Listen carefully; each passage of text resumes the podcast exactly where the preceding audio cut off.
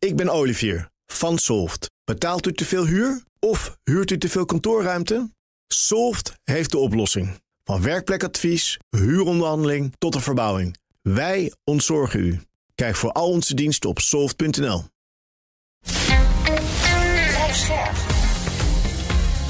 BNR Nieuwsradio. Boekenstein en de Wijk. Hugo Reitsma. Dit is een extra uitzending van Boekenstein en de Wijk in verband met de oorlog in Oekraïne en de crisis met Rusland. Het is dinsdag, dag 244 van de invasie.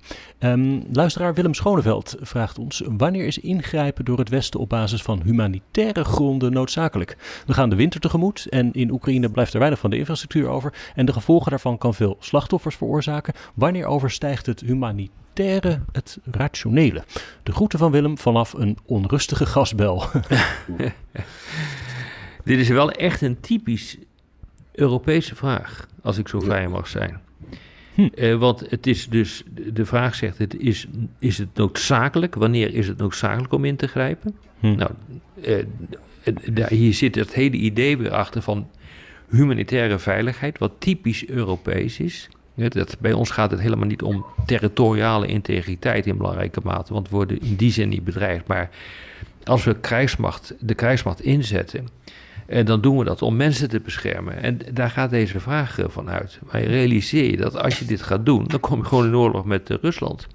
En dan is dus de vraag, hm. hoe humanitair is dat dan? Uh, want dan ga jij oorlog voeren omdat je mensen wil helpen in, in Oekraïne, wat een nobel streven is. Maar tegelijkertijd kom je in oorlog met Rusland, waardoor je je eigen burgers ongelooflijk veel gevaar laat lopen. Hm.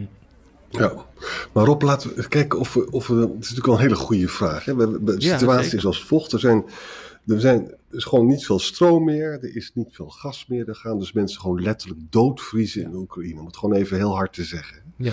En dat kan dus leiden tot uh, vluchtelingenstromen. Ja. Nou, wat zouden we nou kunnen doen om die mensen op te vangen? zonder dat je de derde wereldoorlog veroorzaakt. Laat ik het zo formuleren. Hè? Ehm, het probleem is nu dat Rusland die valt overal in Oekraïne nog steeds aan met, met raketten. Maar die raketten raken wel een beetje op. Hoewel ze duizend nieuwe drones bij Iran hebben besteld, lees je dan weer ergens. Maar wat zou, wat zou je kunnen doen? Natuurlijk meer luchtafweer, hè? dat gebeurt al. Ik geloof de Duitsers die hebben ook die, die Iris-T, waar het steeds over ging, nieuwe systemen aangekondigd. Kan je het daarmee ondervangen? Als je gewoon al, al onze luchtafweer daar neerzet? Nee, je komt er altijd doorheen. En uh, de, de leveringen gaan niet snel genoeg uh, ten opzichte van de leveringen van nieuwe drones, uh, volgens mij. En die drones zijn hartstikke goedkoop, zijn volgens mij makkelijk te maken, dus dat moet je ook vrij snel kunnen doen. Nee, je komt er altijd doorheen. Dat is natuurlijk het grote probleem. Nou, wat je zou kunnen doen, ik zit gewoon even te brainstormen. Hè? Je geeft uh, Oekraïne uh, vrachtwagens waarmee je mensen kan vervoeren naar de Poolse grens. Maar dat kunnen ze zelf ook wel. En de treinen doen het ook nog. Ja. Want het is natuurlijk wel duidelijk, het is gewoon vreselijk wat er met, met, met die mensen gebeurt. Als je nu dus een, een beetje een safe haven of zo, of een, of een uh, no-fly zone, dan kom je weer in het oude debat. Dat leidt heel snel tot oorlog. Ja, en we hebben er gisteren over gesproken dat, uh, dat Shogui waarschuwt voor ongecontroleerbare, uh, ongecontroleerde extra, uh, escalatie.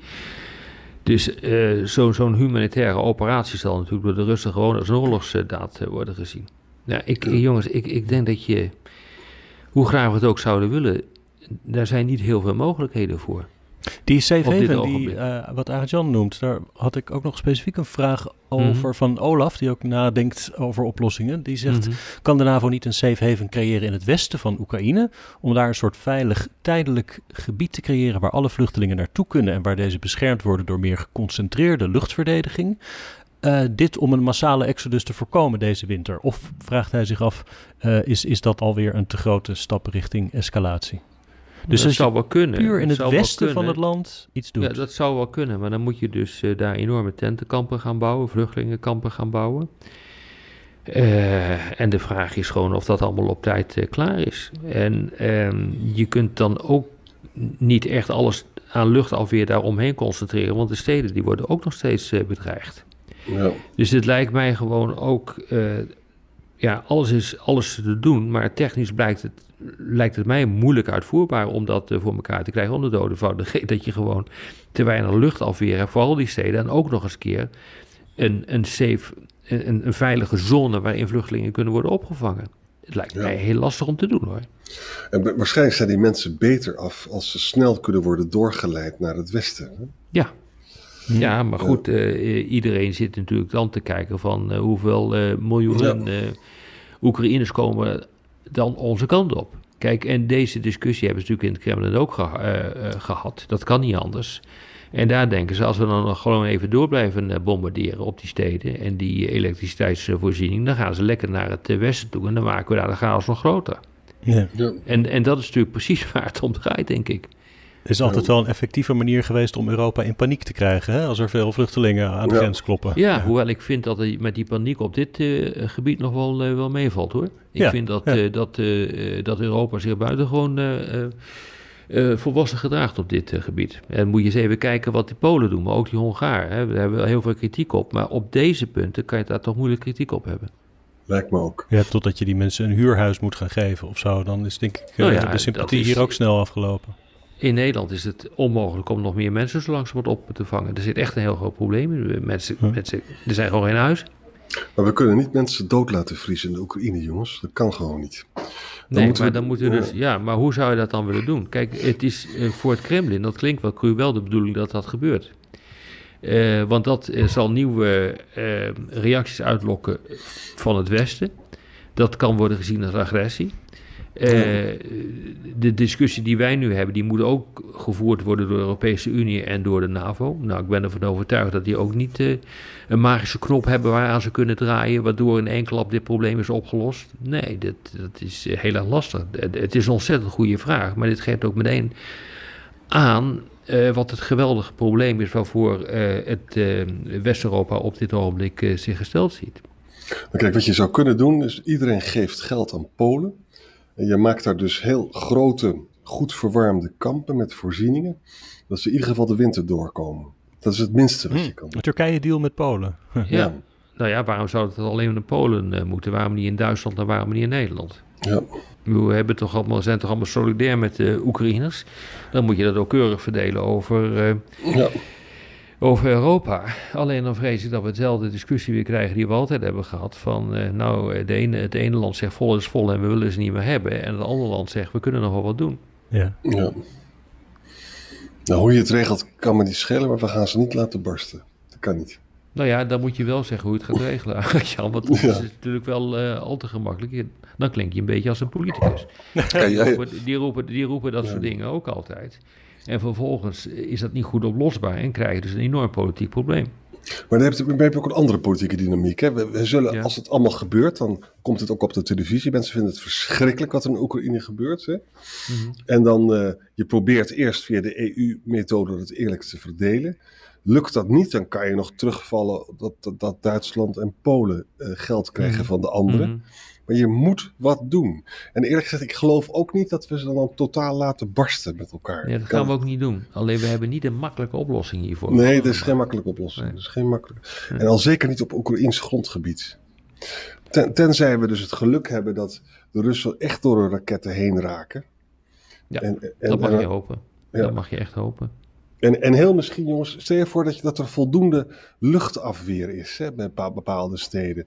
Dan kan je daar dus ook kampen maken met verwarmde tenten. Maar Arend Jan, tel je niet rijk, reken je niet rijk met, uh, met die luchtafweer. Het, ze komen er altijd doorheen. Als je maar voldoende, je kunt gewoon heel makkelijk een berekening maken. Je weet hoeveel uh, luchtafweer er rond de stad staat. Dan weet je ook gewoon hoe je die luchtafweer moet overweldigen. Dus dat is op zich is dat uh, niet zo'n geweldig probleem. Je komt er altijd doorheen. En dan nog een andere vraag op. Stel voor dat het allemaal gebeurt. Hè? Uh, en Rusland blijft maar doorbombarderen. Ook vluchtelingenkampen en zo. Kan dat leiden tot meer westerse interventie? Ja, dat denk ik wel. Dat, ik, ik, ik, daar ben ik wel het meest berucht voor. Eh, dat je dan inderdaad de escalatie krijgt waar uh, de minister van Defensie, op, uh, duidt. en dan, dat gaat dus gewoon betekenen dat op een of andere manier de, de NAVO zegt van nou is het wel genoeg geweest. We gaan nu gewoon met lange afstandsraketten, ik noem maar wat, vitale doelen in, hm. in ieder geval in, in bezet gebied onschadelijk maken, met name op de Krim, om ervoor te zorgen dat, dat dit gewoon ophoudt te, te bestaan. Dat we zeggen dat, dat moet op, op humanitaire gronden moeten we ingrijpen nu. Dan het enige wat ik me kan voorstellen is dat je dan een aanval gaat uitoefenen, uitvoeren op de offensieve systemen van Rusland, met name de raketsystemen. Nou, die liggen allemaal uh, opgeslagen, althans een hele hoop daarvan, op de Krim. Maar goed, dan zijn we op dat moment uh, natuurlijk ook in oorlog met Rusland en met alle gevolgen van die. Dus uh, dit is ook gewoon, kijk, het, het klinkt allemaal prachtig hoor, uh, die humanitaire overwegingen. Maar op het moment dat jij gaat bombarderen en zelf je gaat mengen in de strijd met Rusland, op dat moment lopen wij zelf ook een enorm gevaar. Want dan krijg je gewoon een verbreding van de strijd en dan is helemaal niks meer veilig in Europa. Nou, de grote vraag is, wil een politicus dat voor zijn rekening nemen of niet? Dus je gaat inderdaad een afweging maken tussen het lijden van de, de burgers in Oekraïne en het, lijden, het toekomstig lijden van de bevolking in West-Europa. Hm. Nou, hartelijk gefeliciteerd. Je zal dat uh, problemen moeten oplossen. Ja. Het is niet gemakkelijk om politicus te zijn in deze tijden. Nee, nee maar je kan dus niet te gemakkelijk praten over een, uh, over een situatie waarin je zegt we moeten wat doen. Want de consequenties van we moeten wat doen kunnen wel eens zo dramatisch zijn uh, dat je ja, dat, dat je zelf ook compleet in die puree komt te, te zitten, omdat je een, een, grote oorlog ontketent in heel Europa. En dat is feitelijk waar het om draait. Ja, en ik moet je ook zeggen, wat, wat Biden en zijn mannen de afgelopen dagen hebben gedaan, hè, is eigenlijk ook ontzettend verstandig. Hè. Ze praten veel met de Russen, proberen uit te zoeken wat zijn jullie rode lijnen. Ze proberen dit ze proberen de derde wereldoorlog dus op afstand te houden. Exact, Arend Jan. Dit is exact het punt wat ik, eh, wat ik maak. En goed dat je dat aanvult met uh, wat Biden aan het doen is. Austin, die tweemaal heeft gebeld met, uh, met zijn uh, Russische collega Shogun. en dat is natuurlijk veelzeggend. Op alle mogelijke manieren proberen ze te voorkomen dat die zaak compleet uit de klauwen loopt. En we te maken krijgen in Europa met een derde wereldoorlog. Ja, dat kan echt de bedoeling niet zijn. En ja, dan is het heel erg verschrikkelijk. Uh, dan kom ik terug op wat ik in het, uh, in het begin heb uh, gezegd. ja, dan ga je dus een afweging maken tussen het lijden van de, de bevolking van Oekraïne en ons, en ons eigen lijden. En dan, is, en dan is de discussie toch vrij snel afgelopen hoor, denk ik. Ja, dit betekent dus niet dat Rob een slechte man is, maar Rob die schetst gewoon het dilemma zoals het is. Ja, nou ja, maar dit is natuurlijk gewoon uh, de, de manier waarop uh, beleidsmakers, uh, politici die aan de knoppen zitten, denken en ook moeten denken. Hè, daar is op een gegeven moment weinig ethisch aan. Nou, het is ook wel ethisch om op te komen voor je eigen bevolking. Ja, it's the way it works. Onze ja. natiestaat is daarop gebaseerd. Ja, maar dit is inderdaad voor Europa, het is precies wat je zegt van, uh, ik zal natuurlijk wel een hele hoop over me heen krijgen, maar goed, dat ben ik inmiddels wel gewend. uh, maar het is precies uh, wat je zegt. dit is geen slechtigheid, dit is gewoon hoe, hoe, de discussies lopen. En um, ja, hoe de, hoe de afweging ook daadwerkelijk worden gemaakt achter de schermen. Ja, en het is nog steeds goed mogelijk, jongens, dat de Russen geen chemische wapens in gaan zetten. En misschien ook zelfs geen tactisch kernwapen. En dat het strijd dus gewoon doorgaat. En dat dankzij de raketten van het Westen langzamerhand Oekraïne toch behoorlijk wat eh, grondgebied terugkrijgt. Terwijl je een derde wereldoorlog voorkomt. Maar dat er stond laatst een eh, geweldig eh, stuk in de, in de New York Times. waar de grote experts van binnen de administratie allemaal hebben gezegd dat op korte termijn er geen grote doorbraken te verwachten zijn. Zowel niet van Rusland als niet van Oekraïne. Hm. Dus dit feest kan nog wel even een tijdje doorgaan. We gaan naar het lenteoffensief toe. Volgend jaar. Ja, exact. Jongen, jongen, jongen, wat een podcast. ja, jongens, nou.